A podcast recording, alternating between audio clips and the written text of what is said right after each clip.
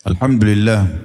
Selalu saja lisan kita memuji sampai pencipta Allah atas segala nikmat yang dilimpahkan kepada kita. Dimulai dari nikmat Islam dan iman. Karena dengan nikmat Islam dan iman Kita jadi punya panduan hidup. Tahu mana yang boleh, mana yang tidak boleh. Mana yang harus dikerjakan, didahulukan Dan mana yang harus ditinggalkan. Pada kesempatan ini Bapak Ibu sekalian Saya akan membahas sebuah tema yang sederhana sebenarnya. Tapi mudah-mudahan bisa menambah wacana kita. Dan tema ini berjudul Masih Ada Waktu.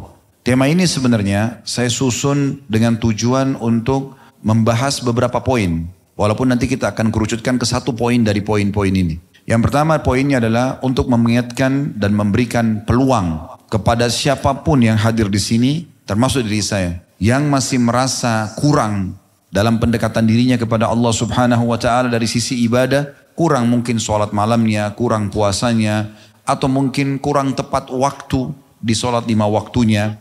Mungkin bagi laki-laki sering telat dalam Jumatnya. Mungkin kita semua masih kurang dalam membaca ayat-ayat Al-Quran. Masih teledor dalam menjaga zikir bagi petangnya. Masih juga uh, kurang berbakti dengan orang tuanya. Masih kurang silaturahim dengan kerabatnya. Masih kurang sedekahnya. Masih kurang mungkin pelaksanaan ibadah haji dan umrohnya. Menjenguk orang sakitnya. Membantu orang susah dan seterusnya kita masih punya peluang dan kesempatan. Yaitu selama kita masih hidup, Allah masih berikan kita kesempatan selama kita mau. Selama kita mau. Permasalahannya adalah di diri kita sendiri. Seringkali kitanya menunda-nunda dan tidak mau memperbaikinya.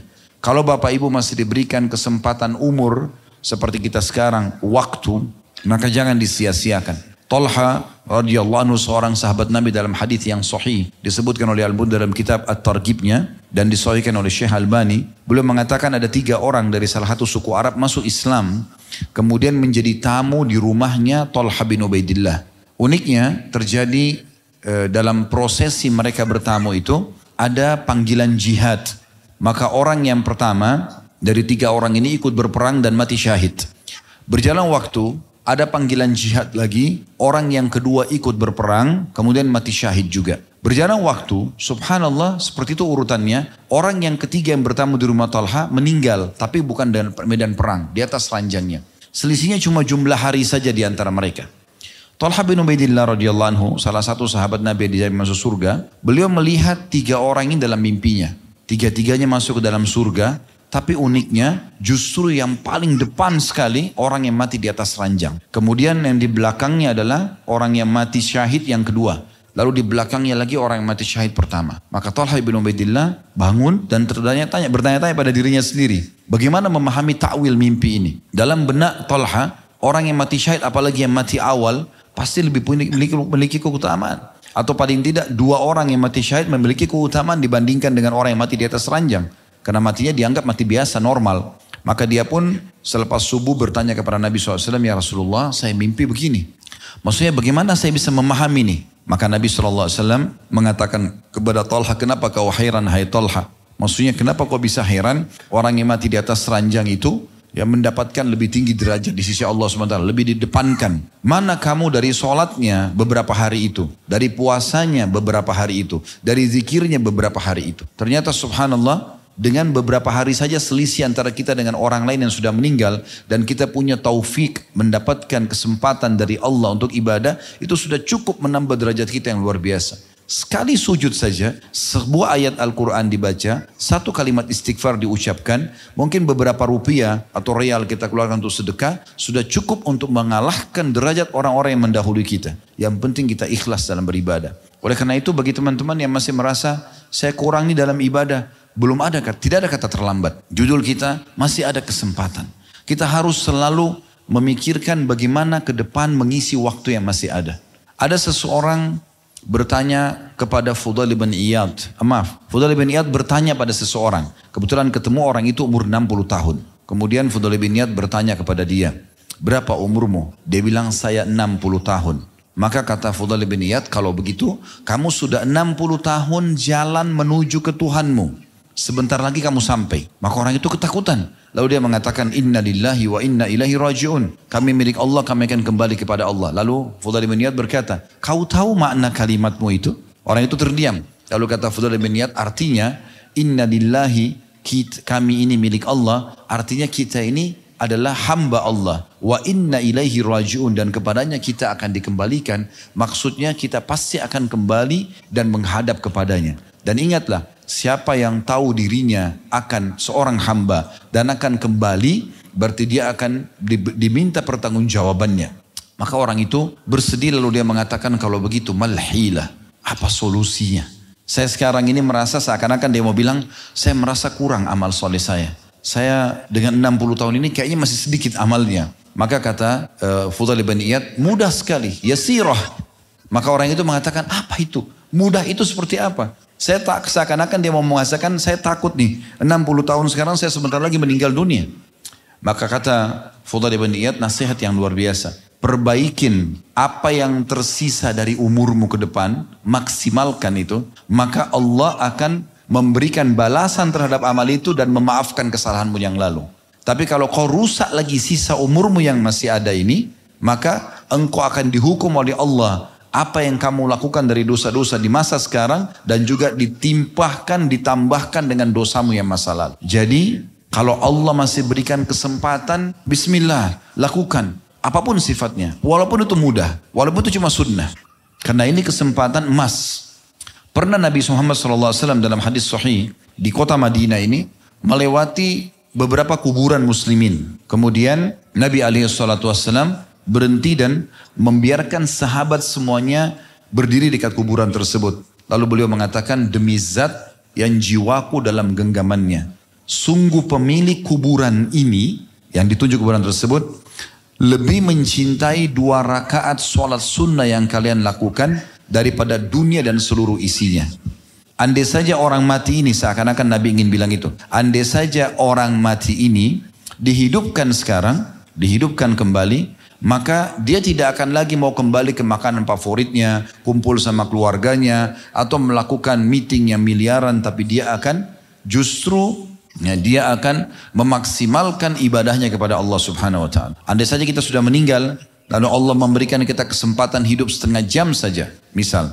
Maka tentu kita akan memaksimalkan untuk ibadah. Lalu sekarang kenapa kita tidak maksimalkan? Mumpung masih ada kesempatan. Ini poin. Poin yang kedua, yaitu kesempatan untuk menyempurnakan apa yang kurang. Kalau tadi kan amal yang kurang di poin pertama. Sekarang menyempurnakan apa yang kurang. Teman-teman sekalian, salah satu hal yang harus kita jadikan target sebagai seorang muslim ialah bagaimana ya kita menjadikan amal-amal yang sudah kita lakukan menjadi lebih baik dari sebelumnya.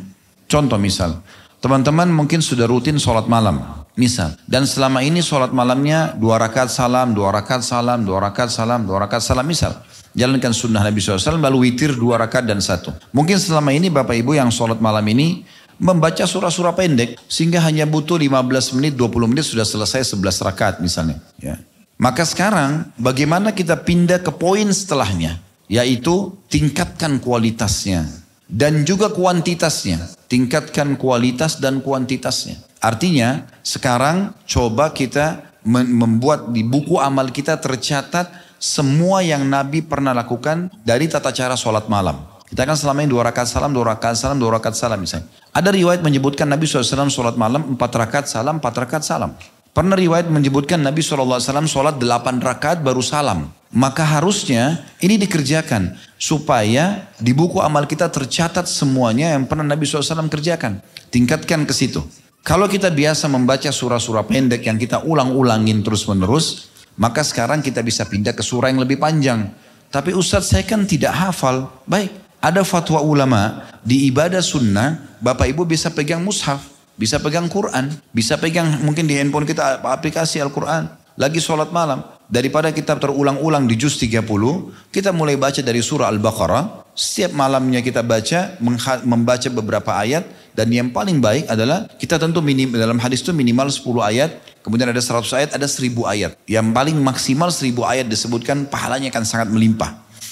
Maka kita bisa pindah ke tahapan ini. Bagaimana mulai sekarang kita programkan Bapak Ibu sekalian supaya ibadah kita yang tadinya standar itu naik levelnya. Jangan begitu terus. Ya.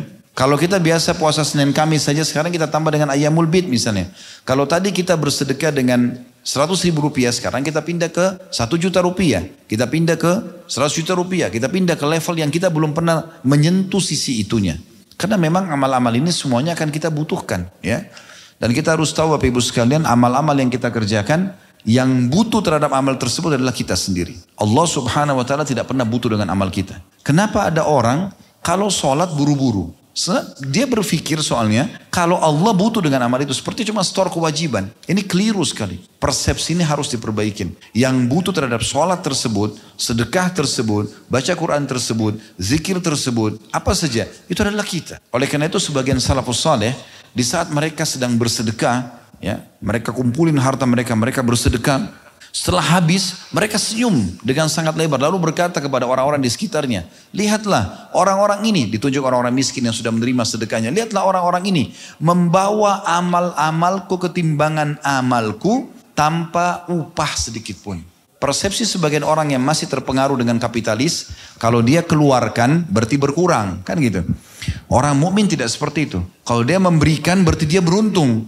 Kenapa? Dia keluarkan 100 ribu rupiah sedekah, dia berikan satu potong baju, dia berikan sepiring makanan, itu sedang dibawa ketimbangan amal. Dan uniknya dalam sebuah hadis yang sahih diriwayatkan juga oleh Al-Mundri dalam kitab Targhib Tarhib beliau, kata Nabi SAW, sesungguhnya kalau seseorang di antara kalian bersedekah, maka Allah akan mengurusnya, menumbuh, mengembang biakannya sampai menjadi seperti gunung Uhud. Walaupun sepotong roti, sebutir kurma dibagi dua, itu bukan seperti itu kita akan terima di timbangan Allah hari kiamat nanti. Kita akan terima seperti gunung Uhud. Di Madinah anda bisa lihat gunung Uhud. Seperti itu besarnya. Dan kata Nabi SAW, seperti seseorang di antara kalian mengurus dan membesarkan anak kuda atau anak untanya.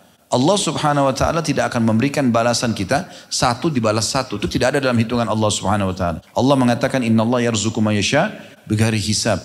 Allah kalau sudah membalas orang tanpa lagi ada hitungannya. Maka mulai sekarang masih ada kesempatan mumpung belum datang ajal tingkatkan level itu. Baca keutamaannya. Dari kalau amal yang biasa standar menjadi yang lebih afdal. Kalau teman-teman biasa dengar ada sebagian ustaz kita mengatakan afdalnya begini. Nah cari afdal itu. Bagaimana kita mencari yang afdal. Sholat duha biasa dua rakaat sekarang tingkatkan empat rakaat. Empat rakaat sekarang pindah ke delapan rakaat. Cari yang paling tinggi. Selalu begitu. Maka ini nanti akan membuat kita selalu sibukkan diri kita dengan amal soleh. Kalau orang menyibukkan diri dengan amal soleh teman-teman, maka sudah cukup dia menjalankan perintah Allah subhanahu wa ta'ala yang merupakan target utama dia diciptakan. Dan juga sudah cukup akan menjadi tameng yang sangat kuat menyelamatkan dia dari maksiat. Kita nggak usah meluangkan waktu khusus untuk meninggalkan dosa. Nggak perlu. Sibukkan diri dengan amal soleh, maka kita akan tinggalkan dosa dengan sendirinya.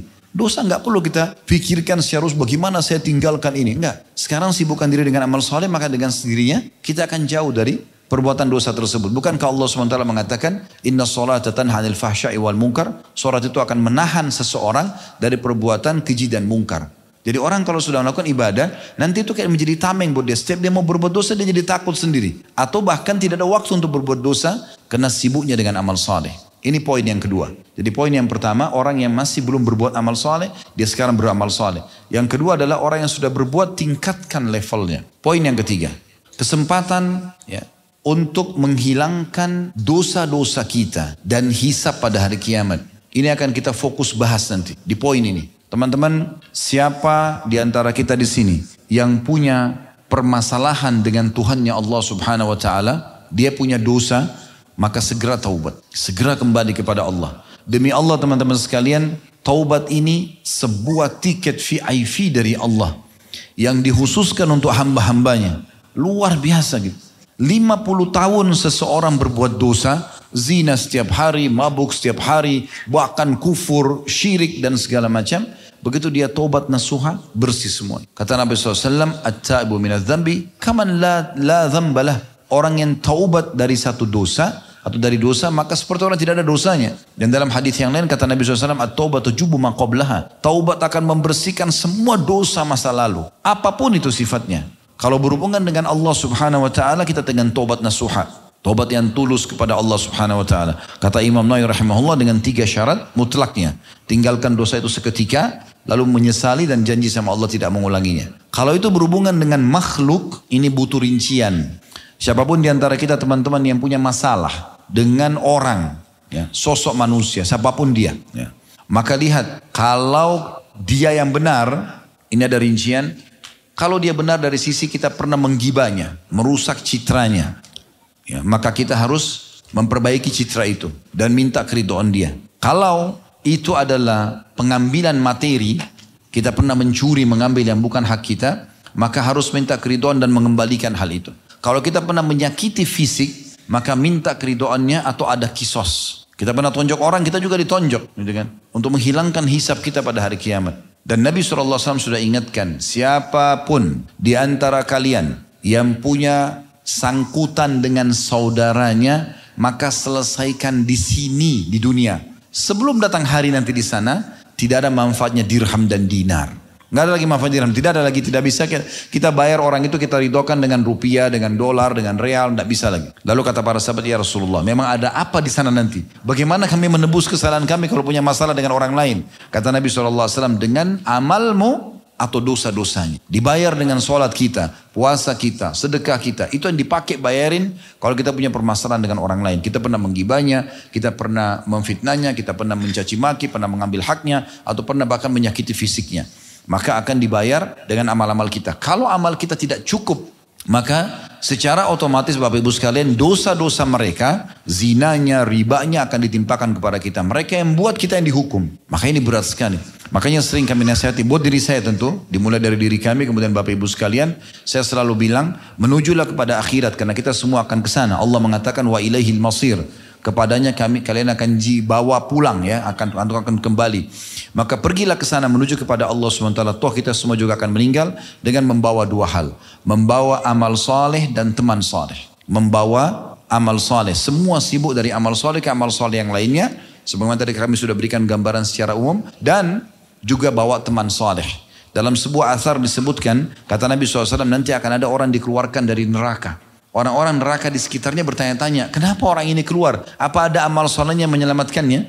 Maka kata orang-orang atau para malaikat yang menjaga neraka mengatakan karena bantuan dan syafaat dari saudara temannya ya seseorang muslim yang memberikan syafaat kepadanya. Oleh karena itu pada saat itu ahli neraka semua berharap pada saat di dunia mereka punya teman-teman yang soleh yang bisa menyelamatkan mereka pada hari kiamat. Kita tidak pernah tahu, mungkin amal kita kurang. Tapi ada orang-orang yang bisa membantu kita. Dan Nabi SAW mengatakan akan ada dari umatku orang yang bisa memberikan syafaat sampai seperti suku Mudar. Suku Mudar ini jumlahnya jutaan orang sekarang gitu kan.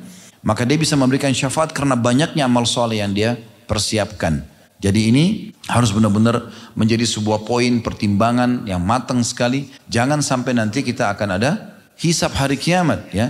Dan nanti Ya, apa, kita harus jadi beriman supaya ada orang yang bisa menolong kita nantinya. Juga jangan bawa dua hal. Jangan bawa dosa dan jangan bawa musuh.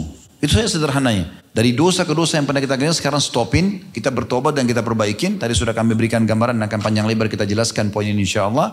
Kemudian yang kedua adalah jangan bawa musuh. Jangan setiap hari gosipin orang misalnya. Banyak orang sudah ikut pengajian, sudah mulai hijrah, tapi nggak sadar masuk menggibah orang lain. Gibah itu teman-teman menceritakan sesuatu yang ada pada saudara muslim yang dia tidak suka untuk diceritakan. Itu sudah gibah. Waktu Nabi SAW tanya para sahabat, apakah kalian tahu apa itu gibah? Yang Allah subhanahu wa ta'ala menyebutkan dalam Al-Quran surah Al-Hujurat. Ayuhibbu ahadukum an lahma akhihi maitan fakarihtumu. Apakah kalian mau dengan gibah itu dihukum seperti memakan bangkai saudaranya sendiri? Dan kalian tidak suka itu, maka Nabi tanya kepada sahabat, apa kalian tahu apa itu ghibah? Maka mereka mengatakan Allah dan Rasul yang lebih tahu.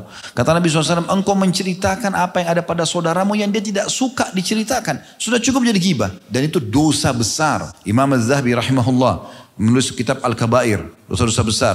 Imam uh, uh, Imam Syekh Muhammad bin Abu Wahab menulis kitab Al-Kabair, juga masukkan ghibah dosa-dosa besar. Syekh Muhammad Munajjid di masa kita sekarang menulis kitab Al-Kabair, masukkan dalam dosa-dosa besar. Dan hampir semua buku-buku hadis menyebutkan tentang ghibah bagian daripada dosa besar karena diikuti dengan ancaman yang berat. Berapa banyak orang begitu dulu sama temannya. Saya mau cerita ya, tapi saya bukan ghibah loh ya, tapi cerita aibnya orang. Cerita tentang orang tidak suka. Kan itu aneh ya. Saya berapa kali disampaikan, dikeluh kesahkan oleh sebagian ikhwat dan akhwat kita. Ustaz, di pengajian saya lihat akhwatnya sudah jilbab besar semua. Ikhwanya pada berjenggot semua. Tapi kalau duduk gosipin orang. Sudah tahu nggak si fulan? Sudah tahu nggak si fulan? Si fulan dan si fulan. Tidak boleh. Kita nggak ada urusan sama kita itu. Di depan mata kalau kelihatan kebaikan kita dukung, kalau kelihatan kesalahan kelihatan ya, baru kita mungkar, ingkar mungkar, baru kita luruskan. Kalau kita nggak tahu jangan ikut campur. Jangan pernah mengorek-ngorek sesuatu yang kita tidak pernah tahu. Saya dengar katanya begini dan begitu. Itu untuk apa? Apa manfaat? Menjadi musuh buat dia hari kiamat. Apalagi sampai fitnah, nyebarin berita yang dia tidak cross check. Dan cross check pun ini ada satu benang merah kata para ulama penting. Cross check itu kalau ada hubungannya sama kita. Kalau nggak ada hubungannya untuk apa cross check? Akhi saya mau tabayun, saya mau cross check. Benar nggak begini? Padahal tidak usah sama dia. Untuk apa? Kalau ada hubungannya baru kita cross check. Kita yang digibah, kita yang dituduh. Nah kok saya cross check. Kalau enggak, semua orang kita mau cross check gitu kan. Ada orang kadang-kadang datang kepada saya, Ustaz saya mau tabayun. Saya nggak kenal orang ini. Apa yang mau ditabayun? Gitu kan. Harusnya kan jelas ada hubungan sama dia nggak? Gitu kan. Atau ada sesuatu memang yang, yang memang harus gitu. Kalau tidak nggak perlu. Nah itu poin yang harus kita perhatikan baik-baik. Jadi jangan sampai ada musuh-musuh hari kiamat yang kita tidak harapkan sebenarnya tapi akhirnya dia menghabiskan pahala kita. Ingat Allah sudah kekalkan dalam firman-Nya, "Yauma yafiru min akhi wa ummihi wa abi wa ummihi wa abi wa sahibatihi wa bani likulli imri'in yauma idzin sya'nu yughni."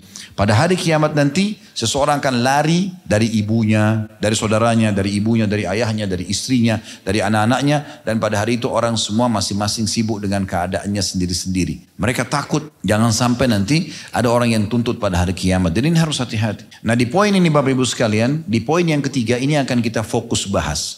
Saya akan coba bahas teman-teman sekalian bagaimana bonus dan tiket VIP yang Allah berikan kepada kita ini. Baik bagi teman-teman yang sudah sering bertaubat, maka dia bisa perbaharui taubatnya. Atau orang yang masih malas bertaubat, nah, mungkin dengan menganggap dirinya tidak punya dosa. Atau punya dosa tapi masih menunda-nunda. Nah, nah ini penting sekali untuk dibahas. Kalau orang yang sudah sering tobat, Bapak Ibu sering jadikan zikir setiap hari 100 kali istighfarnya. Gak ada masalah. Rutinkan setiap hari. Perbanyak jumlahnya. Karena Nabi SAW mengatakan, wahai sekalian manusia, beristighfar dan bertobatlah kepada Allah. Karena aku bertobat kepada Allah sehari seratus kali. Bisa bermakna dalam satu hari Nabi baca seratus kali. Bisa bermakna setiap ada kesempatan baca seratus kali. Karena dalam riwayat Anas bin Malik radhiyallahu anhu dalam hadis sahih, beliau mengatakan kami menghitung pada saat sedang duduk bersama Nabi SAW, beliau mengatakan Rabbikfirli wa tub dalam satu majelis seratus kali. Berarti tidak harus ada batasan 100 kali saja. Bisa lebih daripada itu. Kata Ibnu Taimiyah rahimahullah. Saya pernah punya masalah mumet, saya nggak tahu harus bagaimana solusinya. Pusing dengan itu, maka saya beristighfar seribu kali sampai saya dapatkan dada saya lapang. Dan itu. Jadi ini sebuah pola yang harusnya kita bisa terapkan dalam kehidupan. Bagi orang yang sudah biasa pun tinggal istiqomah dan dijaga itu. Bagi orang yang masih malas tobat, karena menganggap dirinya uh, tidak ada dosanya, ini keliru. Karena tobat dan istighfar tidak harus juga ada dosa. Apalagi dosa-dosa ini kadang-kadang ada yang kita tidak sadari ya. Sekarang kita lewat di satu jalan, contoh saja, ada pelang minuman keras. Atau ada satu iklan kemungkaran. Lalu kita lewat saja. Ah itu kan bukan urusan saya, kita lewat. Itu dosa.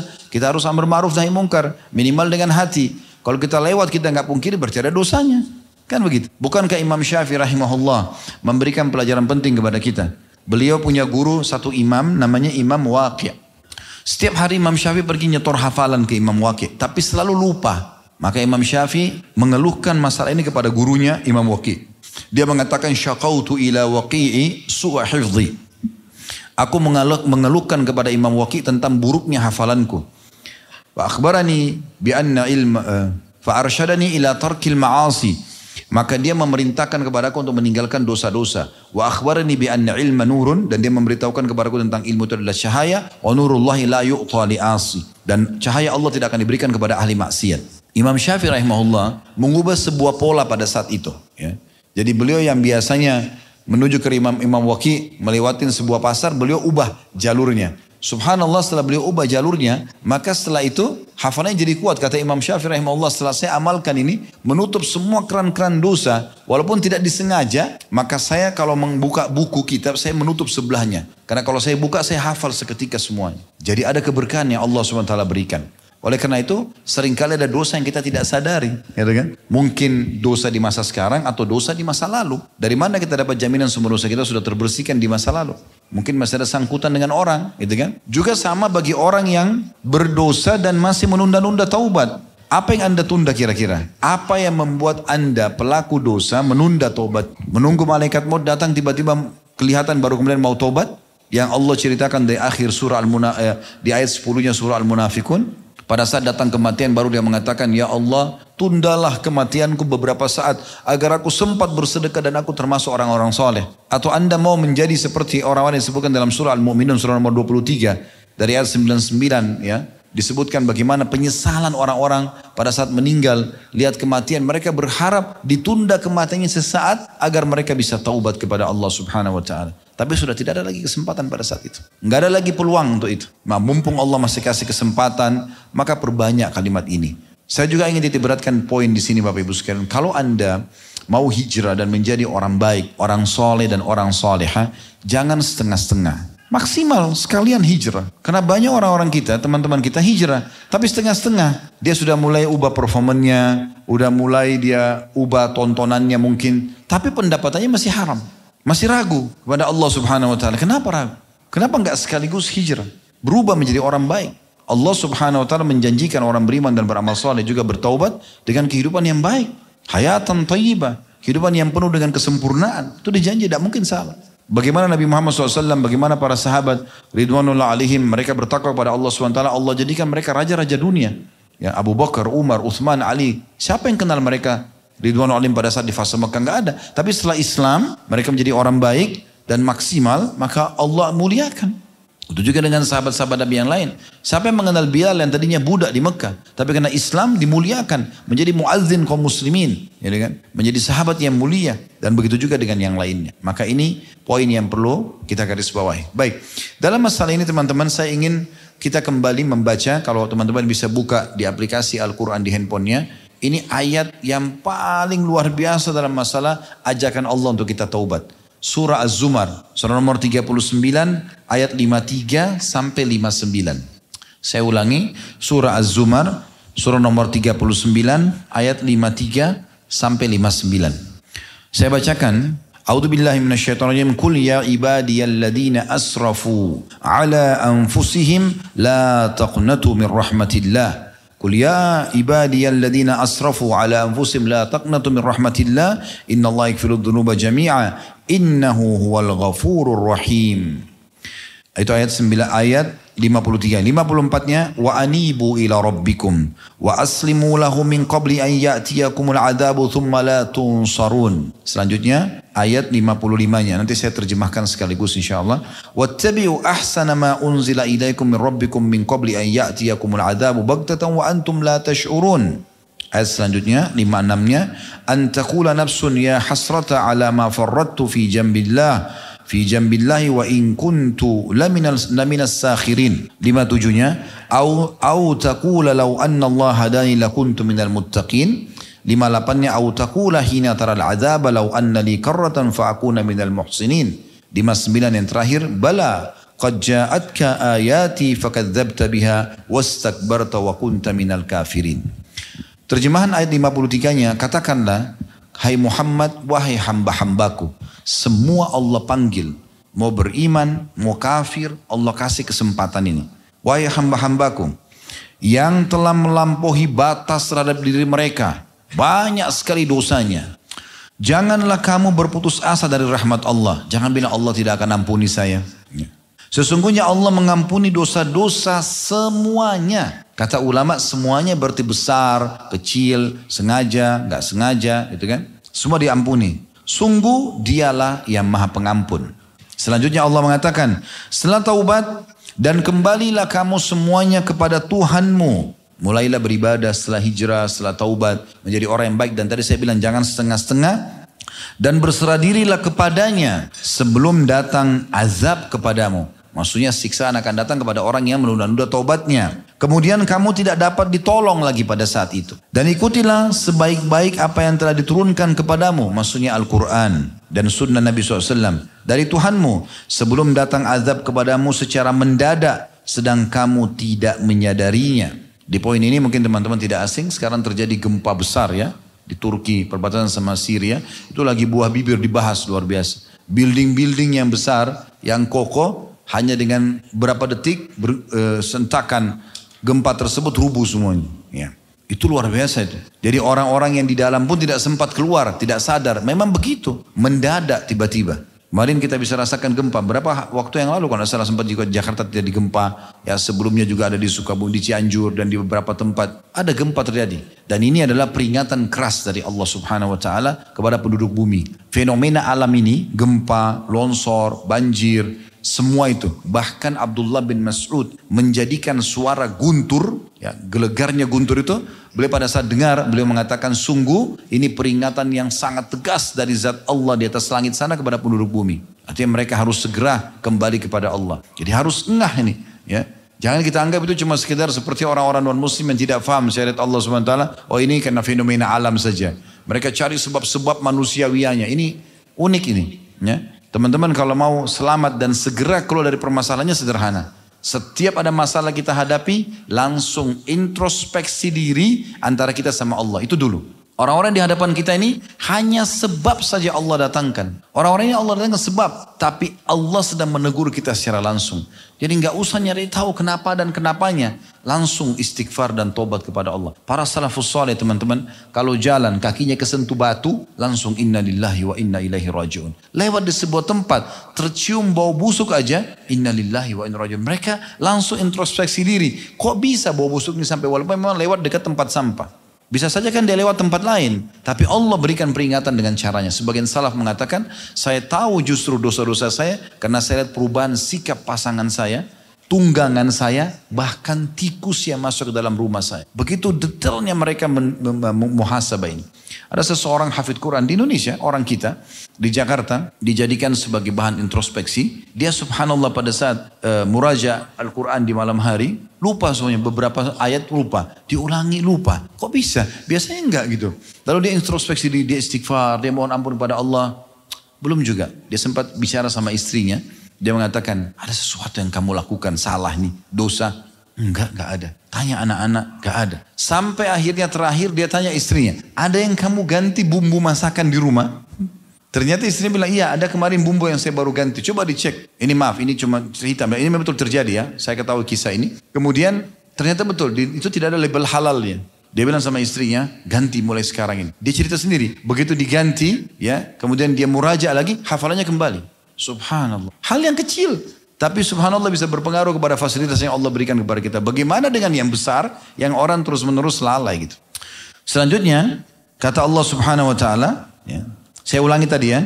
Dan segeralah. Ya, atau ikutilah sebaik-baik apa yang diturunkan kepadamu Al, uh, diturunkan kepadamu Al-Quran dari Tuhanmu sebelum datang azab kepadamu secara mendadak sedangkan kamu tidak menyadarinya. Agar jangan ada orang yang mengatakan nanti pada saat mau meninggal. Alangkah besar penyesalanku atas kelalaianku dalam menunaikan kewajiban terhadap Allah. Dan sungguhnya aku termasuk orang-orang yang memperolok-olok agama Allah mesti semasa hidup. Mati dia nyesal tapi tidak ada gunanya.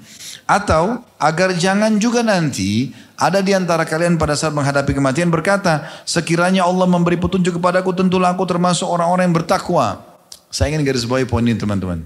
Allah itu benar-benar memberikan kebebasan full kepada kita.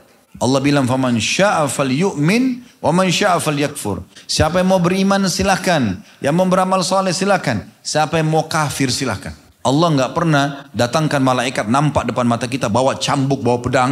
Kalau kita nggak sholat dipukulin, nggak pernah. Tapi Allah buat hati hati kita tersentuh, dengarin azan, ada seruan kayak gini panggilan umroh, panggilan taklim, kita jadi mau ikut. Itu kalau orang yang cerdas dia tangkap sinyal itu, ya kan? Allah cuma datangkan sinyal-sinyalnya. Kita harus jeli, maka harus faham baik-baik teman-teman. Kita harus selamatkan diri kita dengan kebaikan-kebaikan dan sinyal yang Allah kirimkan. Begitu baik dalam meninggalkan amal soleh ataupun meninggalkan dosa-dosa. Berapa banyak antara kita pada saat mau buat dosa dia ketakutan. Ya. Sudah peringatan dari Allah. Dia lakukan pun Allah masih datangkan peringatan mungkin dari lisan pasangan hidupnya, dari anaknya, dari tetangganya, dari orang sekitarnya, dari gurunya, dari muridnya. Ya. Saya subhanallah pernah tertidur di rumah. Waktu itu siang hari agak letih. Menjelang asar, azan asar. Ada anak saya yang Allah amanahkan umur 2 tahun setengah, hampir 3 tahun. Tiba-tiba datang bangunin saya, abati, abati, as, sholat. Dia bicara gitu. Suaranya masih kanak-kanak, masih hampir tiga tahun.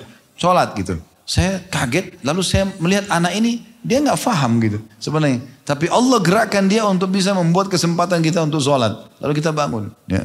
Bahkan kadang-kadang di sholat malam pun Allah datangkan nyamuk untuk mengganggu kita supaya kita bangun sholat malam. Tapi kita nggak enggak. Ya.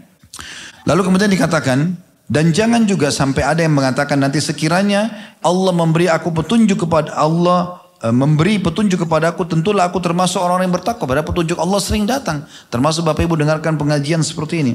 Atau ada juga Allah gambarkan penyesalan. Agar jangan ada yang berkata ketika melihat siksa nanti, sekiranya aku dapat kembali ke dunia, tentu akan aku akan termasuk orang-orang yang berbuat kebaikan. Lalu Allah menutup ayatnya sambil mengatakan, sungguh sebenarnya keterangan-keteranganku telah datang kepada kamu semua. Firman Allah sudah ada, Al-Quran sudah diterjemahkan, hadis-hadis sudah banyak. Para ustadz dan ustadzah menyampaikan, kiai menyampaikan, penyampaian peringatan-peringatan syekh menyampaikan. Sungguh sebenarnya keterangan-keteranganku kata Allah telah datang kepadamu, tapi kamu mendustakannya. Malah kamu menyombongkan diri dan termasuk orang-orang yang kafir. Tapi saksi bahasan kita adalah potongan ayat atau bagian ayat pertama ayat 53-nya Allah menyuruh berkata, menyeru kepada semua hamba-hambanya yang telah melampaui batas mereka tidak perlu merasa putus asa karena rahmat Allah sangat luas ya. Rahmat Allah sangat luas. Baik selanjutnya Bapak Ibu sekalian untuk menambah bahasan ini kita juga perlu tahu tentang masalah efek ya, kalau Bapak Ibu melakukan perbuatan dosa ya. Jadi kan ada orang sebagian menganggap remeh dosa itu anggap ah, apa anggap apa gitu ya. Padahal sebenarnya dia dengan berbuat itu pasti akan ada efek sekecil apa pun dia. Ya, maksud dosa itu efeknya tetap akan ada. Di antaranya kata Nabi SAW dalam sebuah hadis, kata beliau innal abda idza akhta'a khati'atan nukitat fi qalbihi nuqtatan sauda. Sesungguhnya seorang hamba kalau melakukan satu perbuatan dosa, maka Allah akan titikkan dalam hatinya sebuah titik yang berwarna hitam. Faida huwa naza'a wastaghfara wa taba suqila qalbuhu. Kalau dia segera berhenti memohon maaf kepada Allah istighfar dan taubat mengikrarkan tidak akan mengulanginya, maka akan dibersihkan dari hatinya. Wa in ada zida fiha hatta ta'lu wa qalbah. Kalau dia ulangi lagi dosa itu, maka akan ditam kalau dia tadi ada titik hitam dia tidak bertaubat, tidak istighfar, tidak minta maaf sama Allah, dia ulangi lagi maka ditambahkan lagi titik hitam yang selanjutnya. Sampai akhirnya menguasai dan memenuhi hatinya. Wa huwa ar-ran Allah dan dia adalah peringatan yang telah Allah sampaikan dalam firman-Nya kalla barrana ala kulli ma kanu yaksibun Sungguh sesungguhnya kata Allah sekali-kali tidak demikian sebenarnya apa yang selalu mereka lakukan itu telah menutup hati mereka. Maksudnya apa? Dosa itu akan punya efek minimal menutupi hati kita agar bisa mendapatkan dan merasakan kenikmatan iman. Ada orang teman-teman kalau hatinya sudah bersih, sedikit dengan ayat Al-Quran walaupun tidak ngerti artinya bisa nangis. Melihat jenazah lewat bisa nangis. Mudah sekali untuk menangis. Mudah sekali untuk merasa takut. Ada orang hatinya sudah keras. Dia naik mobil sama temannya. Tabrakan. Temannya mati. Kepalanya bocor. Ya, pecah kepalanya, batok kepalanya. Dia selamat. Dia cuma mengatakan syukur saya tidak saya tidak mati. Dia tidak ambil pelajaran. Padahal Allah sudah dengan peringatan depan matanya bisa saja dia kena juga. Saya waktu lihat beberapa cuplikan eh, apa eh, penyampaian dari sebagian warga di wilayah-wilayah kita yang lolos dari longsor segala macam. Mereka dengan menceritakan longsor itu begini tanahnya berputar, ada rumah yang masuk ke dalam, kemudian ada lagi yang disemburkan keluar lagi. Dan anak muda itu pada saat saya nonton dengan santai dia menceritakan itu seakan-akan itu adalah sebuah fenomena alam biasa. Tidak tersentuh sambil bahkan tertawa-tertawa seakan-akan itu adalah sesuatu yang biasa aja. Dia tidak dia tidak kena berarti tidak ada hubungannya sama dia. Subhanallah. Kalau hari ini ada orang tabrakan depan mata kita, hari ini ada orang sakit depan mata kita, ada orang hari ini yang dipukuli oleh orang. Setiap saat bisa terjadi pada kita. Allah SWT bisa datangkan dan kita hanya mengatakan kok bisa ya? Tentu bisa ya di sisi Allah Subhanahu wa taala. Maka harus hati-hati tentunya ya. Ini efek yang harus kita hati-hati sekali. Kemudian juga teman-teman sekalian, masalah taubat ini ini adalah salah satu ibadah yang sangat diperintahkan Selain tadi firman Allah SWT sudah kita bacakan surah Az-Zumar. Allah juga sebutkan dalam surah Al-Imran surah nomor 3 135.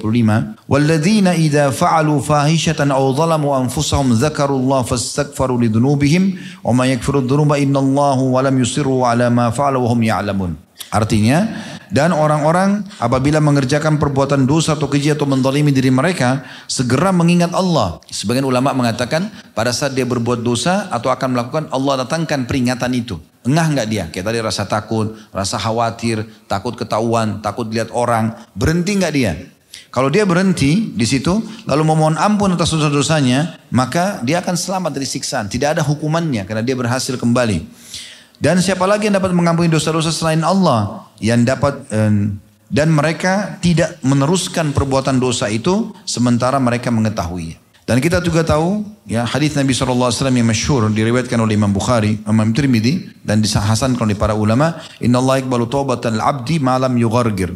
Allah akan terus akan menerima taubat hambanya selama dia belum sampai ke tenggorokan ya. Juga hadis yang masyhur mungkin teman-teman sudah tidak asing mendengarkan hadis ini. hadis yang diriwayatkan oleh Bukhari dan Muslim لله أشهد فرحا بتوبة عبده حين يتوب إليه من أحدكم على راحلته بأرض فلات فانفلتت منه وعليها طعام وشراب فأيس منها فأتى شجرة فاتجع في ظلها قد أيس من راحلته فبينما هو كذلك إذا هو بها قائمة عنده فأخذ بخطامها ثم قال من شدة الفرح اللهم أنت عبدي وأنا ربك أخطأ من شدة الفرح Sesungguhnya Allah sangat gembira dengan taubat hamba-hambanya. Pada saat dia bertaubat dan kembali kepada Allah. Allah sangat gembira dengan itu. Lebih gembira lagi daripada seseorang dari kalian membawa seluruh bekalnya di atas tunggangannya. Dia berada di sebuah tanah yang tak bertuan atau tandus. Kemudian dia pergi ke bawah sebuah pohon dan dia beristirahat. Di atas tunggangan itu ada seluruh makanan dan bekal-bekal, minuman dan makanannya.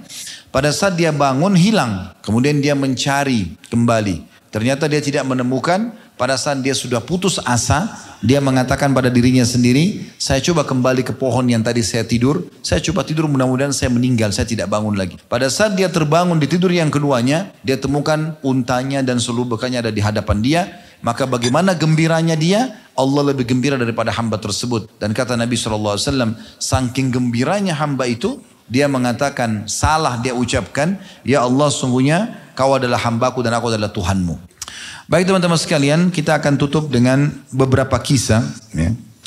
Yang kisah ini, teman-teman sekalian, kita berharap ya, bisa menambahkan keimanan kita tentunya. Saya akan sampaikan kisah tentang Sa'labah bin Abdurrahman radhiyallahu anhu, seorang sahabat Nabi. Dan ada buku yang ini judulnya Bergegas Taubat yang Allah amanahkan kami susun. Ini di sini sudah saya sebutkan kisahnya. Sa'labah bin Abdurrahman ini teman-teman seorang sahabat yang baik ibadahnya.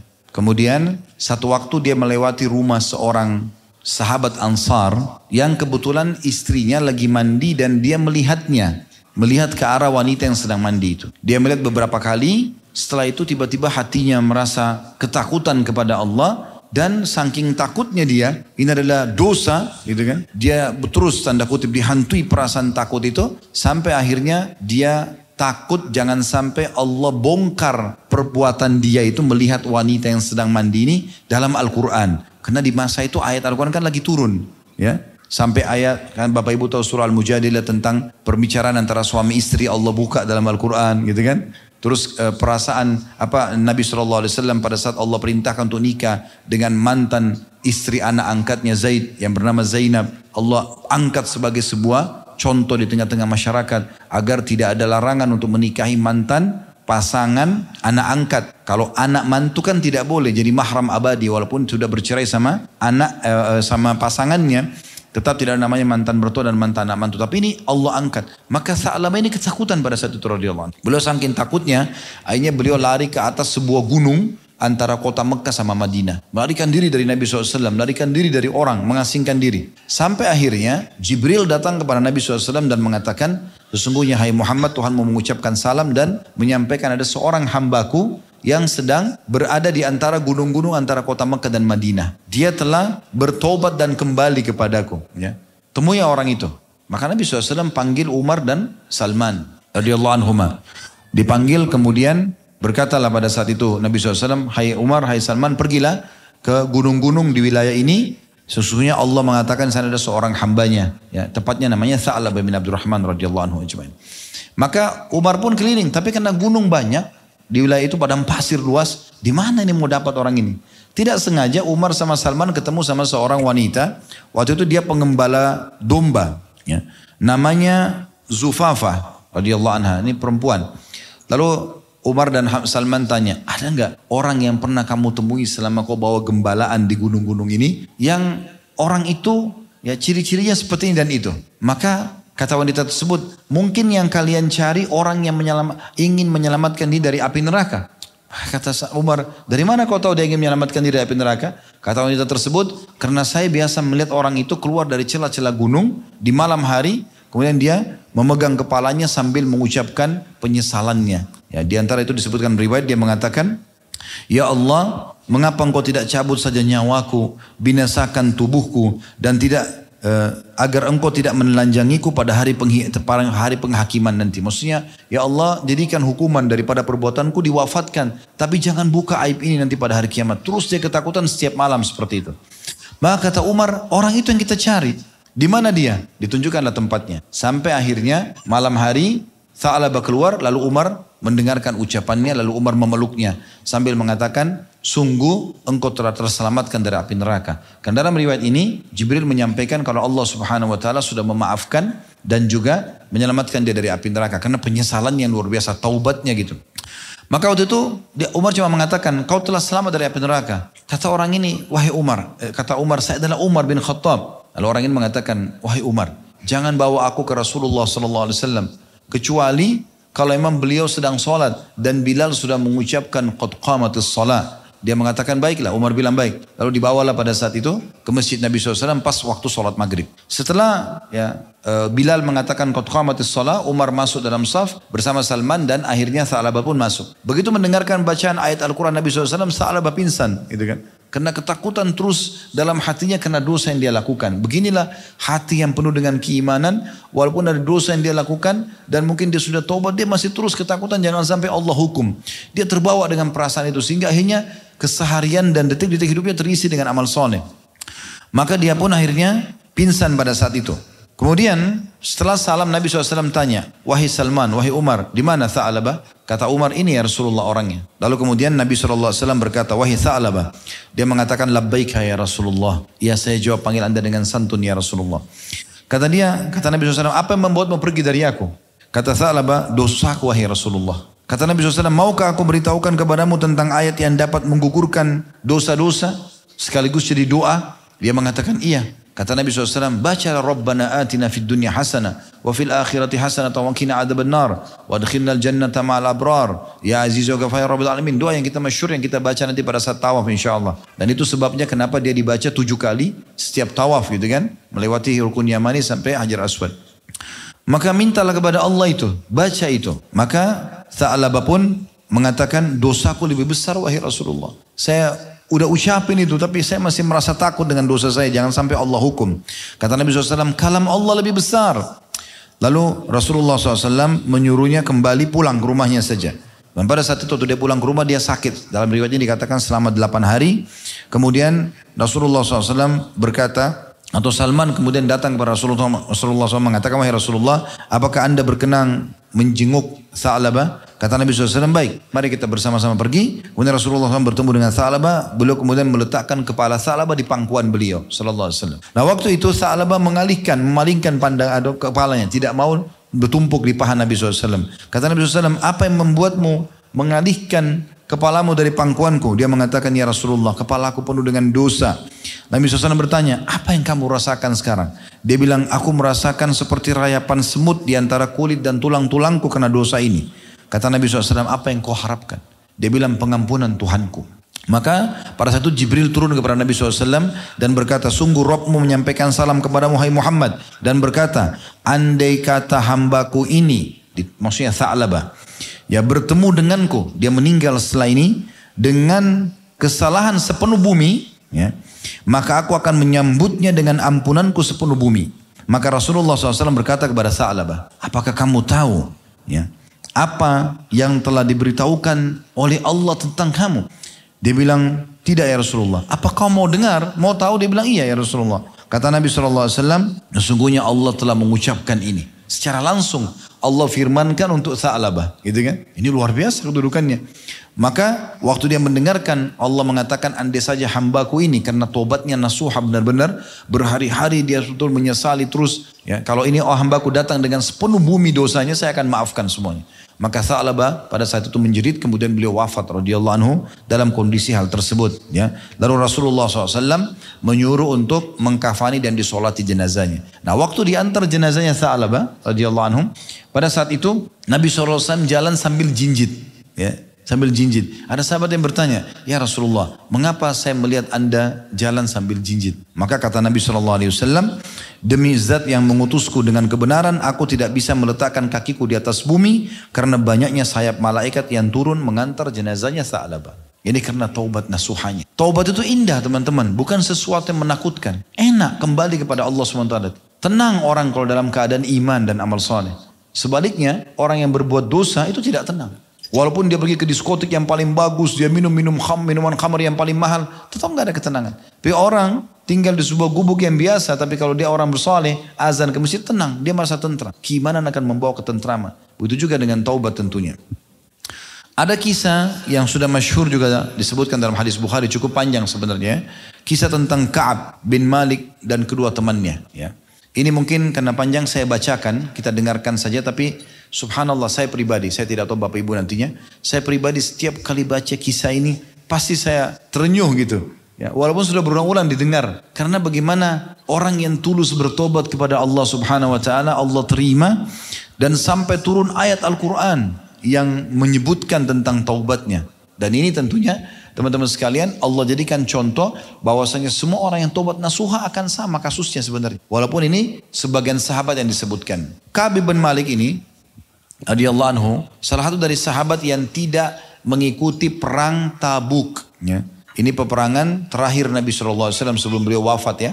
Jadi setelah pembebasan kota Mekah, setelah mengalahkan suku Hawazim di Hunain, kemudian beliau pulang ke Madinah, kemudian mulailah ada haji pertama. Lalu setelah itu Nabi SAW membentuk pasukan perang wilayah Tabuk, menyerang wilayah Romawi pada saat itu ya. Nah beliau mewajibkan semua sahabat laki-laki harus ikut. Nah rupanya ada beberapa sahabat yang tidak hadir, di antaranya Kaab. Ceritanya begini, dalam riwayat Bukhari, saya bacakan saja. Dia mengatakan, Aku tidak pernah tertinggal dari Rasulullah SAW dalam peperangan apa pun yang dipimpin oleh beliau. Kecuali dalam perang tabuk, memang aku tertinggal dalam Memang aku tertinggal dalam perang Badar, namun tidak ada seorang pun yang tertinggal waktu itu yang dicelah. Jadi maksudnya, Kaab menceritakan saya tidak hadir di Badar. Kenapa? Karena Badar waktu itu Nabi tidak wajibkan. Tapi aku ketinggalan Badar bukan tidak dicelah. Cuma aku ketinggalan tabuk. Dia ceritakan tentang tabuknya. Sebab Rasulullah SAW dan kaum muslimin keluar untuk menghadang kafilah dagang Quraisy di perang Badar yang pulang dari Syam. Kemudian Allah Subhanahu wa taala mempertemukan mereka dengan musuh mereka tanpa rencana. Dan sebelumnya aku telah hadir bersama Rasulullah SAW pada malam Aqabah. Sewaktu kami bersumpah setia membela Islam. Aku tidak ingin kehadiranku di malam itu digantikan dengan perang Badar. Jadi bagi beliau hadir di malam Aqabah, kesepakatan Aqabah di tempat Jumrah, itu Nabi SAW ambil kesepakatan setia untuk membela Islam, eh, hidup dan mati, eh, selama hidup sampai mati, membela Islam. Beliau hadir pada saat itu. Aku tidak ingin kehadiranku di malam Aqabah itu digantikan dengan perang Badr. Meskipun perang Badr lebih dikenang di tengah orang-orang daripada bayat Aqabah. Dan di antara kisah hidupku adalah ketika aku tertinggal dari Rasulullah SAW pada perang tabuk. Aku tidak pernah merasa lebih kuat dan lebih mampu daripada keadaanku ketika aku tertinggal dari beliau dalam perang tersebut. Maksudnya sehat fisik, pikiranku lagi lagi lagi jernih, ya kondisiku oke memungkinkan. Beliau mengatakan aku tidak pernah merasa lebih kuat dan lebih mampu daripada keadaanku ketika aku tertinggal dari beliau dalam perang itu. Demi Allah, aku sesung aku sebelumnya tidak pernah memiliki dua kendaraan. Namun di perang itu aku memilikinya. Artinya hartanya lebih melimpah dari sebelumnya. Rasulullah SAW tidak pernah menginginkan peperangan. Melainkan beliau menyembunyikan daerah sasarannya dengan mengisyaratkan seolah beliau menginginkan menuju menuju tempat lain. Hingga pada perang itu Rasulullah SAW berperang menuju Tabuk dalam musim yang sangat panas dan menghadapi perjalanan yang sangat jauh menempuh padang pasir. Dan menghadapi jumlah pasukan yang sangat besar. Karena waktu itu jumlah muslimin 30 ribu di perang tabuk dan orang-orang Romawi 250 ribu. Beliau menjelaskan kepada kaum muslimin tentang urusan mereka dengan yang sangat serius. Agar mereka bersiap-siap dengan segala perbekalan mereka untuk menghadapi perang. Beliau menjelaskan kepada, kepada mereka arah mana yang hendak beliau tuju. Orang-orang Islam yang bersama Rasulullah SAW sangat banyak. Dan tidak dan tidak didaftar dalam buku induk. Maksudnya masuk dalam buku negara. Waktu itu kan uh, di zaman Nabi SAW dan zaman Khulafaur Rashidin, semua warga muslim itu didata. Dan seperti kita kalau punya KTP lah sekarang ya. Nah ini waktu perang tabuk banyak ikut bukan dari penduduk Madinah. Jadi tidak diketahui siapa umat Islam bergabung semua pada saat itu. Ka berkata, maka hampir tidak ada orang yang ingin absen dari perang tersebut. Kecuali dia menduga bahwa hal itu tidak akan diketahui. Selama tidak ada wahyu dari Allah yang menjelaskannya. Karena Nabi SAW wajibkan, maka yang tidak ikut pasti akan ditegur nantinya.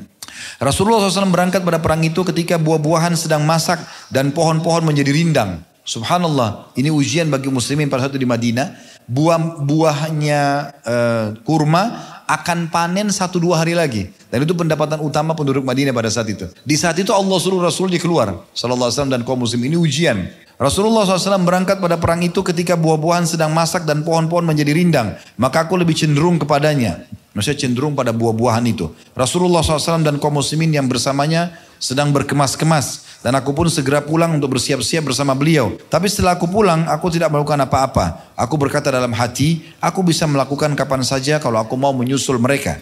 Begitulah ke, ke, keenggangan terus menyergapku. Hingga orang-orang terus ber, berbenah dengan serius. Maka pada pagi harinya, Rasulullah SAW dan kaum muslimin yang bersamanya berangkat untuk perang. Sementara aku belum melakukan persiapan apa-apa. Kemudian aku beranjak Lalu kembali lagi tanpa melakukan apa-apa. Hal itu berlangsung terus padaku hingga mereka berangkat dengan segera dan aku tertinggal perang. Aku bertekad untuk berangkat menyusul mereka dan ande saja dalam kurung di sini beliau mengatakan ande saja aku melakukan pada satu penyesalan maksudnya. Namun kemudian hal tersebut tidak ditakdirkan untukku. Maka ketika aku keluar ke tengah manusia, setelah keberangkatan Rasulullah SAW, aku merasa bersedih. Karena aku tidak melihat seorang panutan untukku. Kecuali laki-laki yang tercela karena kemunafikannya atau orang yang ditela, ditela, ditela, telah diterima udurnya oleh Allah dari kalangan orang-orang lemah. Maksudnya di Madinah waktu beliau ke jalan-jalan sikap ini yang dilihat hanya Orang-orang munafik atau orang yang kasih udur oleh Nabi SAW. Rasulullah SAW tidak menyebut-nyebutku hingga beliau sampai di Tabuk. Beliau bersabda sambil duduk di tengah pasukan Tabuk. Apa yang dilakukan oleh Ka'ab bin Malik di teman dengan para sahabat. Maka salah satu dari Bani Salama atau Salima berkata, Wahai Rasulullah, dia tertahan oleh pasuk oleh pakaian burdahnya. Maksudnya baju indahnya. Dan sibuk melihat kedua sisi tubuhnya. Ini ibarat bahwasanya dia malas tidak mau berperang. Maka Muadz bin Jabal berkata kepadanya, sungguh buruk apa yang telah kamu ucapkan. Demi Allah ya Rasulullah kami tidak mengetahui tentang Ka'ab ya, kecuali kebaikan. Maka Rasulullah SAW diam. Tak kala beliau dalam keadaan seperti itu tiba-tiba beliau melihat dari kejauhan seorang laki-laki yang mengenakan pakaian putih dan terlihat bergerak terombang ambing oleh Fata Morgana. Maka Rasulullah SAW bersabda orang ini adalah Abu Haythama. Ternyata dia benar Abu Haytham al-Ansari. Orang yang bersedekah dengan satu sak kurma ketika dicela oleh orang-orang munafik. Kab lalu berkata lagi, tak kalah sampai berita kepadaku bahwa Rasulullah SAW telah pulang dari tabuk. Kesedihanku datang lagi. Aku mulai mengingat dusta dan berkata, dengan apa aku bisa lolos dari keburukan beliau besok. Untuk hal itu, aku minta bantuan kepada semua orang yang cerdik pemikirannya dari keluargaku. Maka tak kalah diberitahukan bahwa Rasulullah SAW telah mendekati Madinah, hilanglah dari diriku segala pikiran yang batil Hingga aku benar-benar mengetahui bahwa aku tidak akan selamat dari beliau dengan cara apa pun selamanya. Maka aku bertekad untuk bersikap jujur kepada beliau. Rasulullah SAW tiba pada keesokan harinya dan biasanya apabila pulang dari safar beliau memulai dengan masjid beliau melakukan sholat dua rakaat kemudian duduk di hadapan orang-orang. Ketika beliau melakukan demikian orang-orang yang tidak ikut perang mendatangi beliau untuk menjelaskan udurnya dan bersumpah di hadapan beliau. Mereka berjumlah 80 orang lebih. Maka beliau menerima lahir mereka membaiat mereka dan memohonkan ampunan untuk mereka serta menyerahkan rahasia mereka kepada Allah SWT hingga aku datang Tak kala aku mengucapkan salam, beliau tersenyum dengan senyuman orang yang marah. Kemudian beliau berkata, kemarilah. Aku datang berjalan hingga duduk di hadapan beliau. Beliau lalu berkata kepadaku, apa yang membuatmu tidak ikut serta? Bukankah kamu telah membeli kendaraanmu? Kak berkata, aku berkata, wahai Rasulullah, sesungguhnya saya demi Allah, atau aku demi Allah, seandainya duduk di hadapan orang selain anda dari penduduk Madinah, atau penduduk dunia, maaf.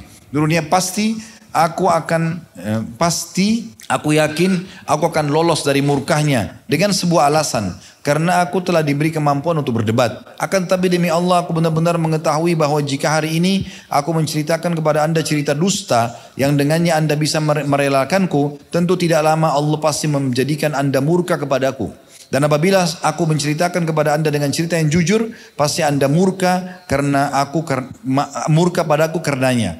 Sesungguhnya dengan kejujuran ini saya atau aku berharap akibat yang baik dari Allah Subhanahu wa taala. Demi Allah, aku tidak memiliki uzur. Demi Allah, aku merasa tidak pernah sekuat dan sekaya daripada ketika aku absen dari perang Tabuk bersama Anda. Ka'ab mengatakan maka Rasulullah SAW bersabda, Adapun orang ini maka dia telah berkata jujur, berdirilah hingga Allah memberi keputusan tentangmu. Beberapa orang dari Bani Salamah berjalan mengikutiku, mereka mengatakan kepadaku, Demi Allah kami tidak pernah mendapatimu berbuat dosa sebelum ini. Ternyata engkau tidak mampu mengajukan udur kepada Rasulullah SAW seperti udur yang diajukan oleh orang-orang lain yang absen. Padahal istighfar Rasulullah SAW untukmu telah cukup untuk menghapus dosamu. Ka'ab mengatakan, demi Allah, mereka terus mencelaku hingga aku ingin kembali kepada Rasulullah SAW untuk mendustakan diriku. Maksudnya bohong, mengatakan bahwasanya dia memang sakit atau yang lainnya. Kemudian aku katakan kepada mereka, apakah ada seseorang yang mengalami hal seperti ini bersamaku? Mereka menjawab, iya, ada dua orang yang mengalami hal ini sepertimu. Mereka mengatakan sama yang apa yang kamu katakan dan dijawab dengan jawaban yang sama yang diberikan kepadamu.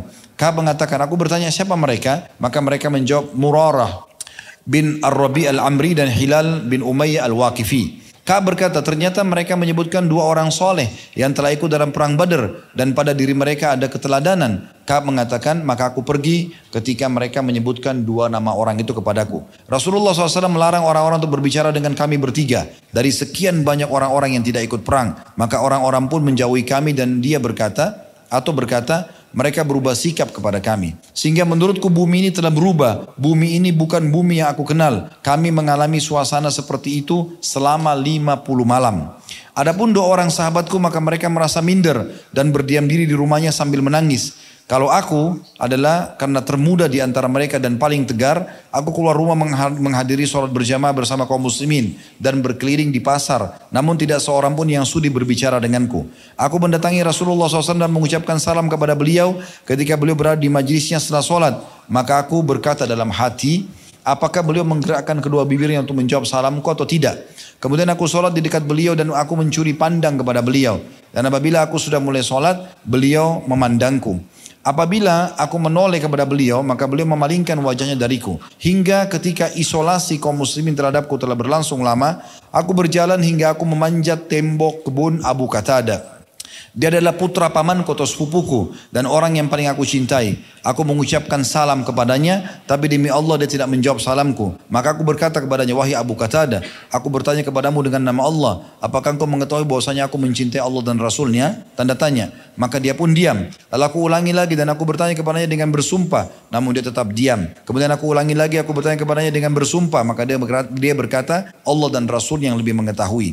Maka kedua mataku berlinang air mata. Aku pun segera berbalik pergi hingga aku memanjat tembok. Tak kala aku berjalan di pasar Madinah, tiba-tiba seorang petani dari petani penduduk Syam yang datang untuk menjual makanan di Madinah berkata, siapa yang bisa menunjukkan kepadaku Ka'ab bin Malik? Maka orang-orang langsung menunjukkannya kepadaku. Hingga dia mendatangiku lalu menyodorkan kepadaku sepucuk surat dari Raja Gassan. Gassan ini sebuah wilayah yang besar yang di situ pada saat itu ada raja yang membenci kaum muslimin gitu kan. Dan aku adalah orang yang paling pandai menulis atau membaca. Dan aku baca surat yang isinya amma ba'd sesungguhnya setelahnya sesungguhnya telah sampai kepada kami bahwa sahabatmu maksudnya Nabi Muhammad SAW telah mencampakkanmu. Padahal Allah tidak menjadikanmu berada di negeri Hindi atau Hind di negeri Hind maksudnya di negeri yang ada. Dan tersia-siakan. Bergabunglah bersama kami kami akan pasti menghormatimu Ketika aku membacanya aku berkata ini juga bagian dari cobaan. Maka aku menuju uh, ke tungku dan membakar surat tadi. Hingga tak kala telah berlalu 40 atau 50 hari. Dan wahyu tidak kunjung turun juga. Utusan Allah uh, utusan, utusan Rasulullah SAW mendatangiku dan berkata, sesungguhnya Rasulullah SAW memerintahkanmu agar menjauhi istrimu. Setelah 40 atau 50 hari tidak boleh lagi berkumpul sama istrinya. Maka Ka'ab berkata, apakah aku harus menceraikannya atau harus apa atau apa yang harus aku perbuat? Maka orang itu mengatakan, tidak, tapi jauhi saja dia dan jangan mendekatinya, maksudnya jangan digauli. Dan beliau mengutus kepada kedua sahabatku dengan pesan serupa. Maka aku katakan kepada istriku, pulanglah ke rumah keluargamu, tinggallah bersama mereka hingga Allah memutuskan perkara ini. Maka istri Hilal bin Umayyah, tadi salah satu dari tiga orang ini, temannya Kaab yang juga sama di boykot, mendatangi Rasulullah SAW. Istrinya datang dan berkata kepada beliau, Wahai Rasulullah, sesungguhnya Hilal bin Umayyah adalah orang tua yang tidak bisa melayani dirinya sendiri dan dia tidak memiliki pembantu. Apakah anda keberatan apabila saya melayaninya? Beliau menjawab, tidak. Tapi jangan sampai dia mendekatimu. Maka dia berkata demi Allah sungguhnya tidak ada lagi padanya keinginan kepada apa pun. Dan demi Allah dia terus menerus menangis semenjak hari itu hingga hari ini. Maka sebagian keluargaku berkata kepadaku, bagaimana kalau seandainya engkau meminta izin kepada Rasulullah SAW tentang istrimu ketika eh, karena beliau telah mengizinkan istri Hilal bin Umayyah untuk melayaninya. Maksudnya keluarga daripada Kaab datang kepada Kaab mengatakan coba minta ya coba minta kepada Rasulullah SAW untuk memaaf, untuk mengizinkan istrimu melayanimu. Maka aku jawab, aku tidak akan meminta izin kepada Rasulullah SAW tentang istriku. Siapa yang tahu apa yang akan dikatakan oleh Rasulullah SAW jika aku minta izin kepada beliau tentang istriku. Karena aku adalah laki-laki yang masih muda, maka aku tetap menjalani hidup seperti itu selama 10 malam uh, hingga genaplah bagi kami 50 malam semenjak diberlakukan larangan berbicara dengan kami. Kemudian aku sholat subuh pada hari yang ke-50 di atas atap salah satu rumah kami. Ketika aku sedang duduk dalam keadaan yang telah disebutkan oleh Allah SWT tentang kami. Sementara jiwaku yang terasa sempit dan bumi pun telah, telah merasa sempit, telah menjadi sempit bagiku. Padahal bumi itu sangat luas. Tiba-tiba aku mendengar suara orang yang teriak-teriak dengan keras dari atas gunung Salak atau salah satu gunung di Madinah.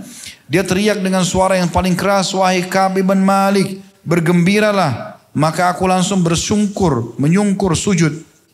Dan aku tahu bahwasanya jalan keluar telah datang. Maka Rasulullah SAW mengumumkan bahwa Allah SWT telah menerima tobat kami ketika beliau sholat atau selesai sholat subuh. Sehingga orang-orang pun berhamburan memberikan kabar gembira kepada kami. Sehingga orang-orang pun berhamburan memberikan kabar gembira kepada kami kepada dan juga kepada kedua sahabatku yang telah orang-orang dan eh, dan kepada kedua sahabatku. Ada seseorang yang menunggangi kuda dengan kencang menujuku. Ada lagi dari Bani Aslam yang lari menujuku. Dia naik ke atas gunung dan suara itu lebih cepat daripada kuda. Tak kala orang yang aku dengar suaranya datang kepadaku untuk memberikan berita gembira, aku langsung melepas dua pakaianku untuknya. Lalu aku pakaikan kepada keduanya kepadanya. Sebagai balasan hadiah atas berita gembira yang disampaikan kepadaku. Demi Allah, aku tidak memiliki selain keduanya pada hari itu. Lalu aku meminjam pakaian dan memakainya. Dan aku berangkat menuju Rasulullah SAW.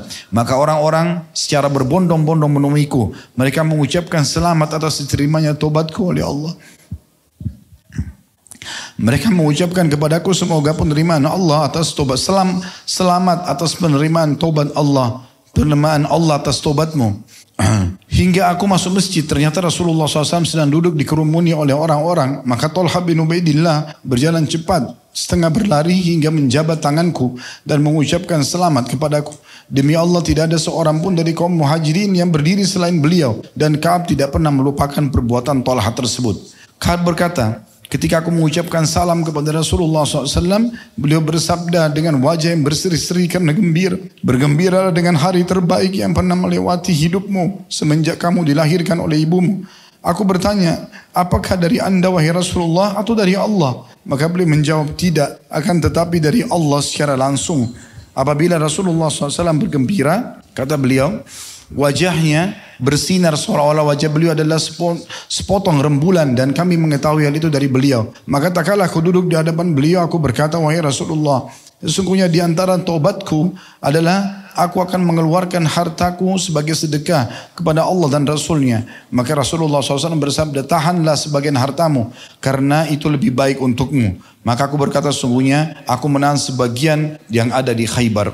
Dan aku berkata, wahai Rasulullah, Sesungguhnya Allah telah menyelamatkanku karena kejujuran. Dan sebagai bukti kebenaran taubatku, aku tidak akan berbicara melainkan dengan jujur selama aku masih hidup. Maka demi Allah, kata Kaab, aku tidak mengetahui seorang pun dari kaum muslimin yang diberi nikmat dari Allah dalam kejujuran ucapan semenjak aku katakan hal itu kepada Rasulullah SAW yang lebih baik daripada apa yang telah dianugerahkan oleh Allah kepadaku.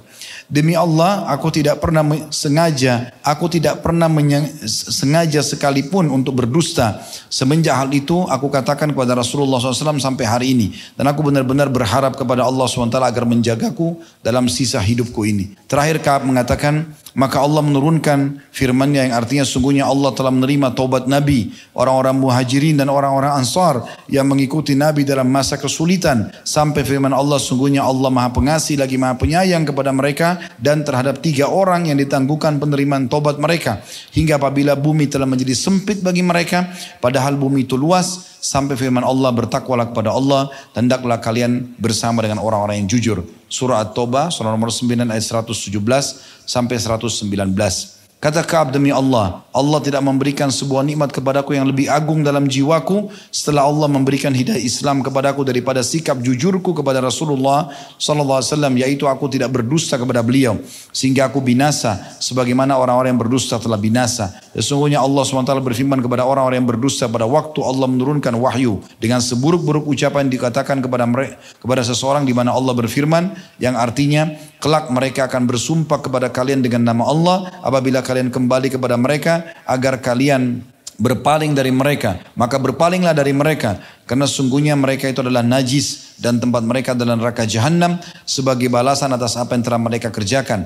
Mereka akan bersumpah kepada kalian maksudnya orang-orang munafik suka berdusta, bersumpah dusta agar kalian ridho kepada mereka. Tapi jika sekiranya kalian ridho kepada mereka sesungguhnya Allah tidak akan pernah ridho terhadap orang-orang fasik itu surah At-Taubah ayat 95 sampai 96 Ka'ab lalu menutup ceritanya mengatakan urusan kami bertiga ditangguhkan di antara perkara orang-orang yang alasan mereka telah diterima oleh Rasulullah SAW ketika mereka bersumpah kepada beliau. Dan beliau pun membayar mereka dan memohon ampun untuk mereka. Sementara Rasulullah SAW menunda kami bertiga sesuai dengan apa yang Allah telah perintahkan. Dan ini diriwayatkan oleh Bukhari dan Muslim.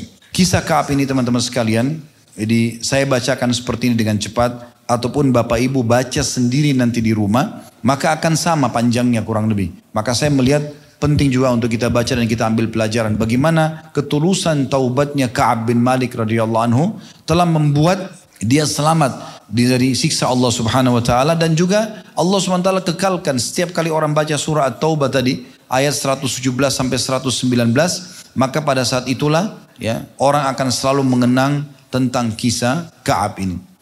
Kisah selanjutnya teman-teman sekalian adalah kisah tentang seorang wanita yang telah disampaikan fatwa oleh Abu Hurairah radhiyallahu anhu.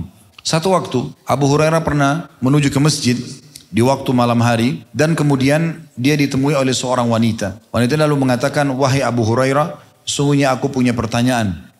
Kata Abu Hurairah, "Apa itu?" Dia mengatakan, "Apa yang harus aku lakukan dan bagaimana keadaanku?" Karena aku telah melakukan perbuatan dosa. Kata Abu Hurairah, "Dosa apa yang kamu lakukan?" Dia bilang aku telah berzina dan hamil dari zina tersebut. Kemudian aku bunuh hasil zina itu anaknya maksudnya. Maka kata Abu Hurairah, sungguh seburuk-buruk perbuatan yang telah kau lakukan tidak ada tobat bagimu. Maka wanita tersebut pun menangis terisak-isak dan kemudian meninggalkan Abu Hurairah. Dalam riwayat ini dikatakan, maka Abu Hurairah berkata pada dirinya sendiri, bagaimana bisa aku mengeluarkan fatwa ya sementara Rasulullah SAW masih hidup di tengah-tengah kami.